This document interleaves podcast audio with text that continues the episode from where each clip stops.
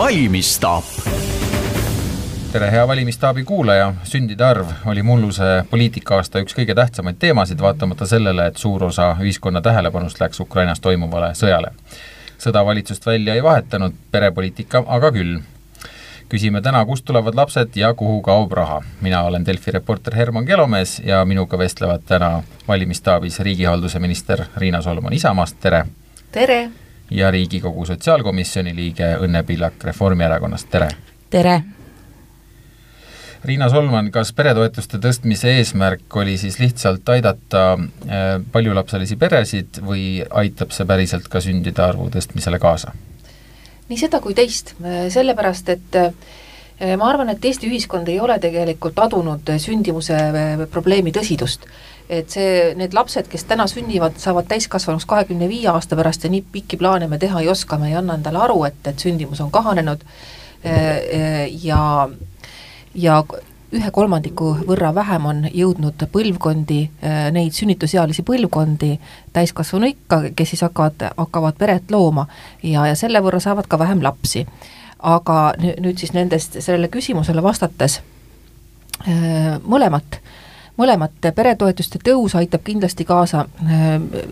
E, toimetuleku probleemidele, mis tekkisid elukalliduse tõusuga, inflatsioon on meil euro, euroala kõrgeim ja peredel ongi raske ja ei ole ju, ju saladus, et kui sul on peres kas üks, kaks või kolm suud, seal on vahe ja kui sul on neli, viis, kuus suud, siis kulub veel rohkem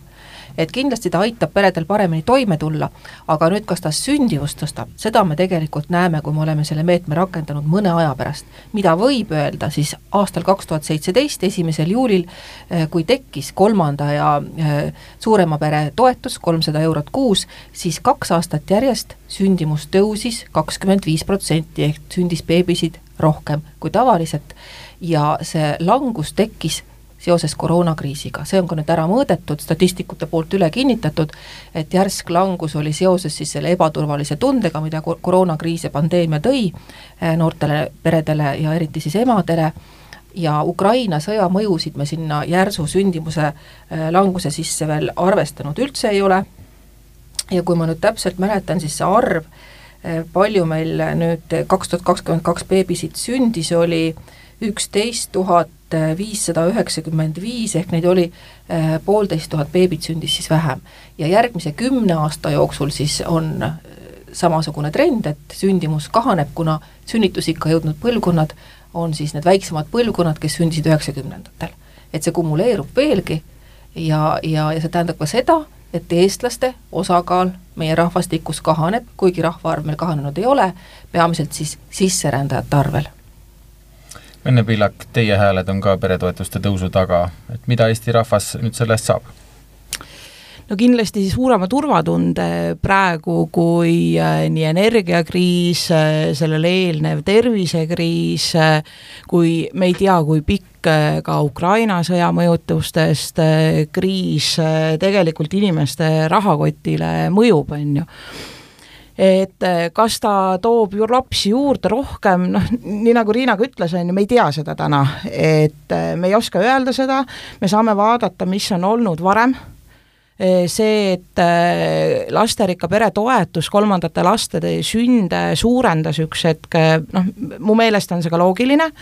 aga see mm, tõus ei olnud mitte nii suur, ta pigem oli väike, et kui ma natuke ise neid äh, erinevaid numbreid laste sündimuse poolt nüüd vaatasin, siis äh, minu meelest hästi palju ja võib-olla kõige enam mõjutabki seesama niisugune turvatunne, nii majanduslik kui praegu siis kõik need kriisid kokku, on ju et äh, milline saab nende otsuste mõju olema, seda ma arvan, et me oskame öelda siin kahe-kolme, viie aasta pärast, mitte, mitte ka järgmine aasta, on ju. Mis aga äh, me peame vaatama nüüd tulevikus edasi, et, et me oleme väga tugeva õla andnud lasterikastele peredele ja kui me vaatame nüüd ka tagasi paari aasta peale, siis eh, esimesed ja teised lapsed, et me peame vaatama, kuidas me mm, motiveeriks ja toetaks ka neid peresid. et eh, kui esimesi teisi lapsi ei ole, siis ei ole ka kolmandaid lapsi, aga kolmandaid lapsi meie rahva jätkusuutlikkuse mõttes meil on väga vaja jaa, et ma täiendan seda, seda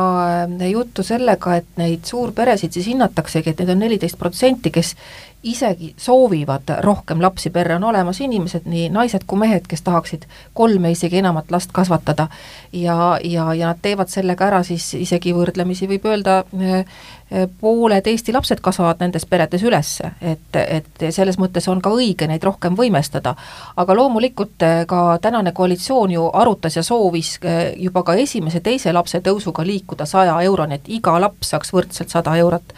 kahjuks meil tuli teha valikuid ja, ja, ja, ja Isamaa poolest oleks võinud selle valiku teha, tehti veidi teised valikud, et ma loodan, et järgne koalitsioon kohe tõstab ka siis esimese, teise lapse ja ka üksikvanema toetuse äh, saja euroni kuus, mis, mis on täiesti arusaadav. Äh, ja, ja, ja võib-olla tuleb ka üle rõhutada, et, et üksikvanematel on raske. et seal, kui peres on ikkagi ühe vanema palk, ja kui seal on mitu last, siis äh, on, on, on siin ka tegelikult riiklikku tuge enam vaja, et on küll olemas elatisabisüsteem, Isamaa pakub oma programmis, et ka elatisabi tuleks tõsta kaheksa, kahesaja euroni kuus, täna on ta sada eurot kuus, aga noh, siin peab ka vahet tegema sellel, et et kas on üks üksinda last kasvatav vanem, kellel tõesti ei ole siis äh, teise vanema palka kõrval lapse üleskasvatamiseks või siis on üksikvanem, kellel tegelikult siis lapsel on ka teine vanem kusagil, kes siis toetab, et kes ei kuluta siis kogu oma palka enda tegevustele, vaid, vaid toetab oma lapse kasvatamist Õnne Pilek, miks te muigasite, kui Riina Solman üksikvanematest rääkis? Sellepärast, et äh, ma olen praktiline näide selles, mind alati, ma alati muigan, üldse see ei olnud äh, Riina pihta, aga ma alati muigan, kui üksikvanematest hakatakse rääkima ja natuke pannakse kõik ka ühte potti, et noh, seesama elatisabi on ju, et kui me räägime üksikvanematest, siis me ei saa elatisabist rääkida, nagu sa lõpus ka ütlesid, et see on üksi last kasvatava vanema toetus riigi poolt, üksikvanem, kellel on, äh, kelle lapsel on siis sünnitunnistusel ainult üks vanem, temalt ei ole noh, mitte kelleltki mitte midagi küsida, on ju. et ses mõttes ma olen küll hästi nõus, et noh, kui nüüd korra võib-olla mm, niisugune võrdlus või, või eelistustest rääkida, siis äh, minu meelest tulevikus äh, me peame ikkagi vaatama ka seda, et, et kuidas siis toetada tõesti neid, kes on raskemas seisus, kui vaatame statistikat, siis üksikvanemad lastega peredest, äh, noh see ka suhtelise vaesuse number võrreldes teistega, et, et kui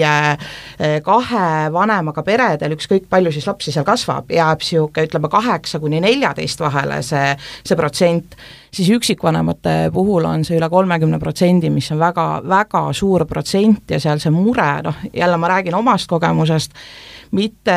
tegelikult ei olegi niivõrd see, et, et toetus, toetus muidugi aitab, eriti neid, kellel on väiksem sissetulek. aga palju suurem on see mure see, et äh, iseendaga vanem et äh, kuidas ta leiab iseendale seda vaba aega, et olla ka lapsele kvaliteetne vanem, on ju, et äh, ka lapsega saaks vaba aega koos äh, veeta ja teine pool on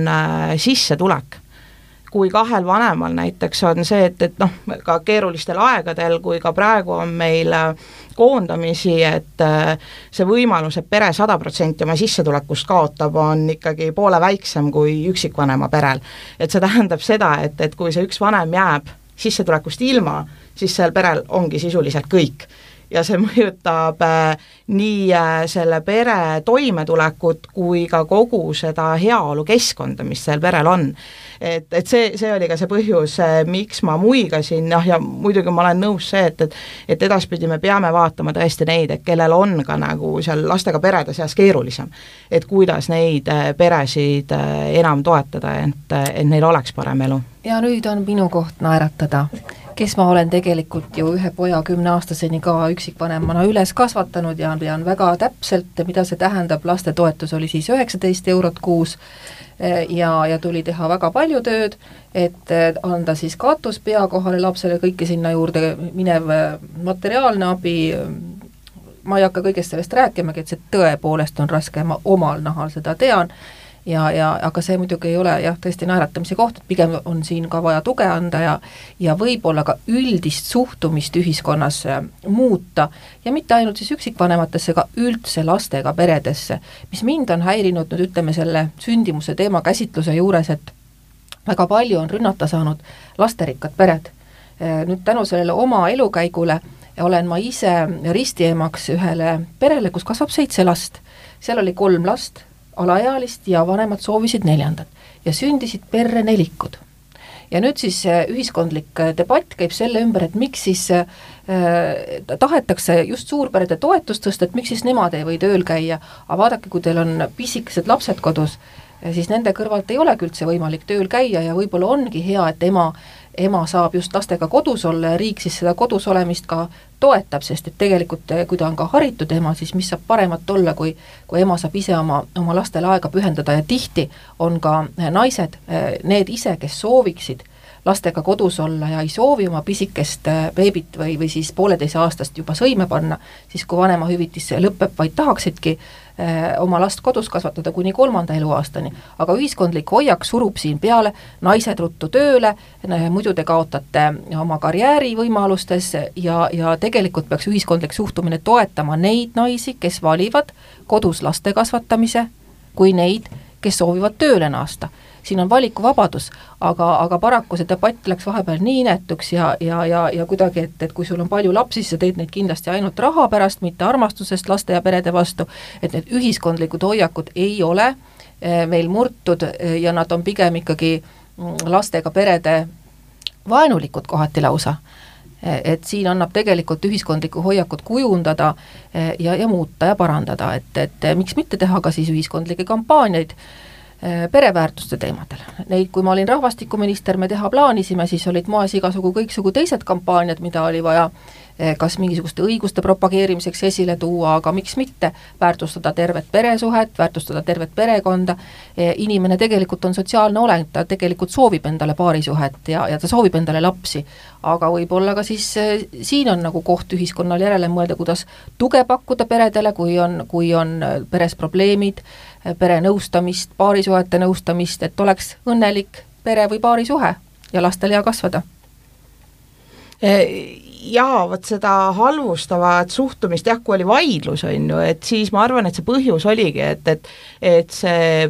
need, kus kasvasid üks või kaks last peres, et, et nad tundsidki tegelikult valu endal natukene, sest neile jäi mulje ka sellest, et võib-olla neid väärtustatakse rohkem, see oli see tunne ja ja ma arvan, et ka nendest peredest tuleb aru saada, sest tegelikult on ju ka ühe ja kahe lastega peredes neid emasid, kes tahavad validagi, et nad ongi lapsega kodus. ja see on minu meelest ka täiesti aktsepteeritav, nii kui, kui see, et, et need vanemad, kellel kas siis on üks, kaks, neli, ma ei tea, seitse last peres, on ju, et mõlemad vanemad tahavad tööl käia, et, et neid toetada, et, et noh, praegu on niisugune imeline aeg, kus on hästi palju inimestega võimalik suhelda tänaval siis valimiskampaania käigus. ja mina pean ütlema küll, et vastupidi, mina kuulen ainult positiivset äh, tagasisidet äh, et see, et me otsustasime peresid toetada, on väga hea, aga teiselt poolt äh, ikkagi pannakse ka südamele, et, et vaadata, mis me siin ise ka oleme rääkinud, et äh, kus kasvavad siis üks või kaks last perest, et, et nende perede järgiaitamine samamoodi, et, et et ka lastetoetus, et olekski ühtemoodi kõigil, aga mulle tundub, et sellest niisugust poliitilist vaidlust täna ei ole, et, et pigem on küsimus, et kust selleks äh, tuleb raha, nii nagu ka saate alguses oli juttu, on ju saimegi pool saadet äh, toetustest räägitud, et äh, läheme võib-olla selle juurde, alustades uuesti Õnne Pillakust, et mis on need muud asjad, mida ei saa võib-olla numbritest nii lihtsasti mõõta, mis tagab meile selle ühiskonna, kus äh, mehed ja naised tahavad ennast äh, siduda lastega, peredega kõigepealt mehed-naised äh, peaks üksteist tahtma siduda, et lapsi saada. ma ütleks, et siin, kui alati räägitakse, et naised peavad sünnitama, kuidas me motiveerime naisi sünnitama, no jaa, meil on täna kasvavas, kasvamas see hulk emasid, kes saavadki, kes teevad teadliku valiku ja saavad üksi lapse. aga tegelikult selleks, et last saada, ikkagi on vaja isasid ka ja minu meelest me peame hakkama ka ühiskonnas sellest rääkima, et, et meeste see soov lapsi saada ja naisi ka sellel teel toetada, olemas olla nii naistele kui perele kui lastele. et see on üks pool, siis äh, kindlasti äh, kõik, mis puudutab sellist töö ja pereelu ühildamist, väga palju on tehtud, väga palju on tehtud, kui kas või tuua näitena vanemahüvitise süsteemi paindlikumaks tegemine, aga on veel äh, minna ka edasi, noh kõige lihtsam näide, mis siin on olnud ka viimastel kuudel jutuks, on näiteks äh, mm, tervise- ja hooldushüvitise maksmine siis, kui vanem tuleb vanemahüvitiselt äh, tagasi tööle. praegu seda makstakse miinimumpalga järgi, aga tegelikult see tuleks ära muuta, et seda hakataks maksma siis vanema tegeliku sissetuleku järgi siis äh, kõikvõimalikud äh, tugiteenused, täna hästi päevakajaline on vaimne tervis, äh, vaimse terviseabi kättesaadavus, et noortel tekib see julgus, ka majanduslik kindlustunne, et nad julgevad lapsi sünnitada, et see keskkond, kus me elame, on piisavalt hooliv, sõbralik, turvaline, et nad tahavad siia väikseid inimesi juurde luua Riina Solman, see ilmselt ei olnud ammendav loetelu, mida te oskaksite veel nimetada? no tegelikult Õnne on, Õnne on eh, suurema osa ära rääkinud, ta on selles vallas hästi teadlik ja, ja pikalt tegutsenud poliitik, eh, nii nagu minagi just perepoliitika valdkonnas, et ma ikkagi rõhutan eh, sedasama, millest ennem sai räägitud, et ühiskondlikud hoiakud võiksid olla tegelikult pereelu soosivad, et nad on tänapäeval pigem ma ütleksin, individualistlikku arengut soosivad meie ühiskonnas, kus me peame kiiresti jõudma eh, üleminekuühiskonnast heaoluühiskonnani, et me tegelikult pereväärtustele rõhku ei pane, aga samas me kõik teame, et südames me hindame perekonda, oma vanemaid ja tegelikult me otsime lähedussuhet, et me otsime seda eh, seda paarilist, et inimene on sotsiaalne olend ja tegelikult on ta ka bioloogiline olend, et, et ta tahab eh, lapsi saada, et need uuringud, millega mina olen kokku puutunud, näitavad väga selgelt, et, et nii mehed kui naised Eestis soovivad tegelikult lapsi. aga et, et see õnnestuks, see, see turvaline paarisuhe, see on õnneliku paarisuhte äh, võti on, on selline võti, mis siis tegelikult tagaks selle lasterikkuse, et siis on naisel turvaline, äh, kui tal on tugev paariline, kes ei jäta teda hädades üksinda ja siis ta julgeb ka rohkem lapsi saada ja, ja, ja kuidas siis riik abi annab, et need on täpselt need vaimse tervise probleemid ja kui kui, kui on ka probleemid peres, siis kiiresti, kui saab õla alla panna, aga me teame, et meil täna psühholoogi juurde on järjekorrad, et seda aega leida ja ka raha leida, eh, enda pere või siis enda olukorra abistamiseks sageli see jäetakse viimasele hetkele, kui enam midagi pole võib-olla parandada. aga muidugi, et Eesti jätkusuutlikkuse võti on ju meie rahvastik, me oleme tegelikult rahvusriik ja me oleme seda öelnud põhiseaduse tasandil kindlas veendumuses, kindlas usus, vankumatus tahtes, et me soovime olla Eesti rahvastiku, keele ja kultuuri pärast siin Eestimaal koos. Ja kui me tegelikult näeme, et meie rahvastik kahaneb ja me teame, et kümme järgmist aastat ta kahaneb, siis tegelikult tulebki kokku võtta ja sellest tõsisest küsimusest äh, niisama avameelselt rääkida, et nagu me täna siin seda teeme, et ma olen natukene üllatunud, et ma olen kuidagi tajunud, et see sündimuse teema ei ole popp, et see justkui oleks ühe-kahe erakonna teema, aga tegelikult ta peaks olema erakondade ülene teema, sest me näeme neid tulemusi muidu kahekümne viie aasta pärast, kui sündimuse langus on kumuleerunud nii, et me ei saa mitte midagi enam enda järeleaitamiseks teha. ja, ja, ja me peame arvestama ühiskonnana veel seda aspekti, et me oleme Euroopa Liidu äh, üks suuremaid migrantrahvastiku osakaaluga riike juba enne Ukraina sõjapõgenike tulekut. et me armastame ennast võrrelda Põhjala riikidega ja, ja tuua näiteid nende lõimumisest või nende lõimumisprotsessidest ühiskonda ja me mitte kunagi ei pea silmas, et Põhjala riikides on mig-, migrantrahvastiku osakaal kümme ja alla selle protsendi, alla kümne protsendi ja meil on kolmkümmend kolm juba ilma Ukraina sõjapõgeniketa ja me ei ole suutnud kõiki ühiskonnaliikmeid võrdselt Äh, ilma probleemideta äh, ühiskonda ära lõimida, et kui me mõtleme sellele, et las siis see sündimus kahaneb, peamised, peaasi, et me teeme oma kiired pakilised asjad ära ja, ja perepoliitikale ei mõtle või rahvastikupoliitikale, äh, siis me oleme lootusetult hiljaks jäänud kahekümne viie aasta pärast, siis me hakkamegi arutama, et kas me siis peamegi kuidagi muud moodi lahendama need küsimused, sest meil on väheneva rahvastikuga riigis väga keeruline kõiki teenuseid pakkuda inimestele või kuidas me need asjad äh, korda paneme, aga kui me oleme kutsutud hoidma oma rahvast, ehk siis eestlust, keelt ja kultuuri üleval, siis ega teine rahvas meie eest seda mitte kunagi tegema ei hakka. Nad võivad olla Eesti riigi fännid, neil võib meeldida meie elukorraldus, äh, meie puhas loodus, aga nendel on kindlasti oma keel ja kultuur ja identiteet ja nad on, nad on ju avatud siin elama ja olema, aga me peame ikkagi ise äh, oma oma Eesti riiki, rahvast, keelt ja kultuuri hoidma ja edendama? Jaa, ma võib-olla lisan siia juurde lihtsalt selle, et, et mind natukene taaskord üllatab jutt, et justkui vähesed hoolivad laste sünnist, et eestlasi sünniks rohkem juurde, aga noh, eks see ongi niisugune subjektiivne arvamus, aga näiteks kui on küsitud Eesti inimestelt, et kas nad soovivad lapsi saada, siis see tulemus on see, et see soov lapsi saada või rohkem lapsi saada, on tegelikult suurem, kui päriselt lapsi sünnib ära. ja, ja, ja see on ja,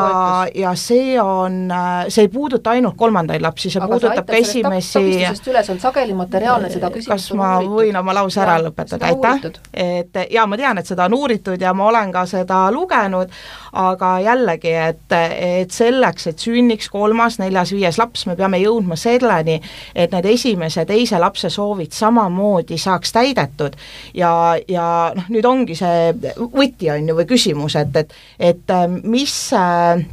mis see võluvits on, on ju, et ühelt poolt jah, kindlasti toetused on abi, aga no mitte ainult, on ju, et, et teenused ja see tõesti ühiskonna suhtumine ja hoiakud ja see tunne ka, et iga laps on oodatud ja igat last väärtustatakse, vot see on ka minu meelest väga oluline. Mul jäi ennem tegelikult märkimata, kui saatejuht küsis, et millega seda loetelu täiendada, et, et vanematel oleks turvaline lapsi saada. no üks küsimus on siis haigushooldusleht, et kui Äh, väikelapse ema peab võtma haiguslehe, siis ta kaotab oma palgast, talle arvestatakse seda miinimumi järgi, mitte tema palga järgi, et siin on kohe üks võimalus seda järgmisel koalitsioonil parandada ja, ja siis palgapõhiselt arvestada, et, et ema ei peaks kartma lapsega kodus olla turvaliselt, eriti kui tal on võimalik kaugtööd, tööd teha, kui ta saab selle selle haige lapse kõrvalt seda teha ja muidugi, et oleks piisav arv lasteaiakohti, et oleks taristu. et kui su laps saab ka siis väikelapse east välja, et, et oleks äh, võimalik oma lastele huviringe võimaldada, et, et oleks võimalik oma lastele pakkuda ka enamat kui kodulähedane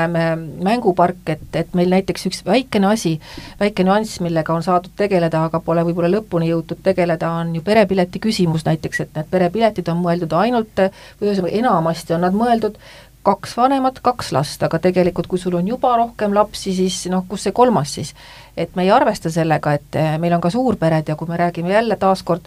esimene, teine laps on väga tähtsad aga ma toon ühe näite, võrreldes siis teiste riikidega, äh, näiteks Prantsusmaal esimese lapse puhul ei ole üldse mingisugust toetust, see on justkui elementaarne, millega inimene tuleb toime ja alles sealt edasi siis hakatakse kohaldama kõiki neid meetmeid. see ei pea olema meie näide, mina arvan ka, et tuleb esimest-teist last rohkem toetada ja Isamaa selle ka välja pakkus juba selles koalitsioonis, järgmises koalitsioonis me teeme selle ära,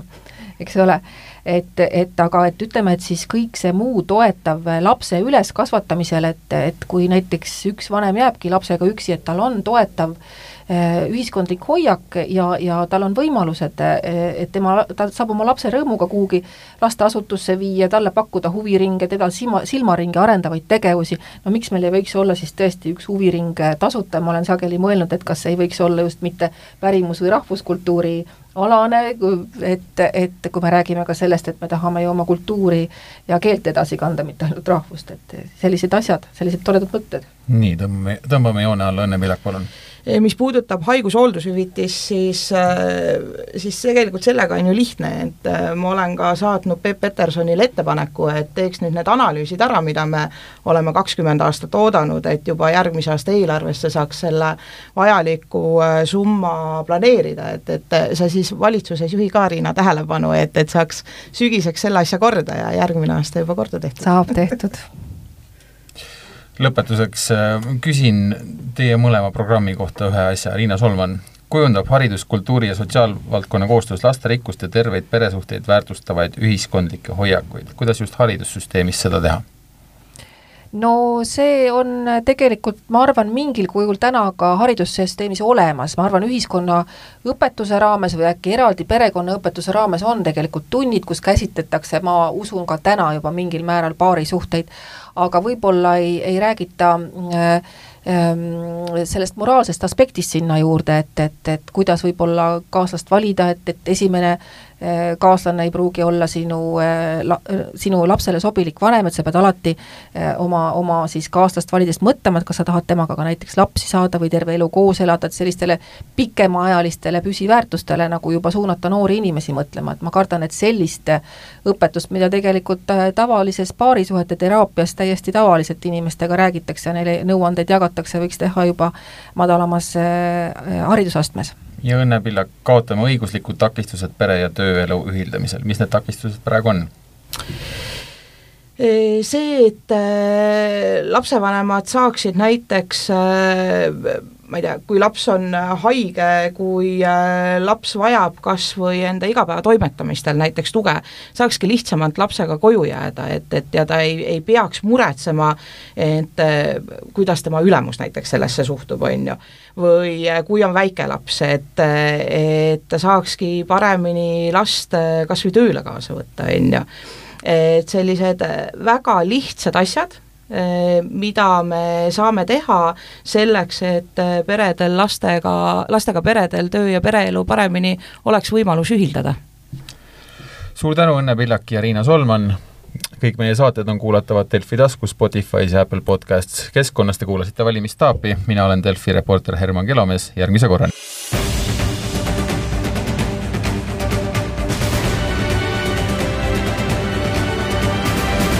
Valmistaap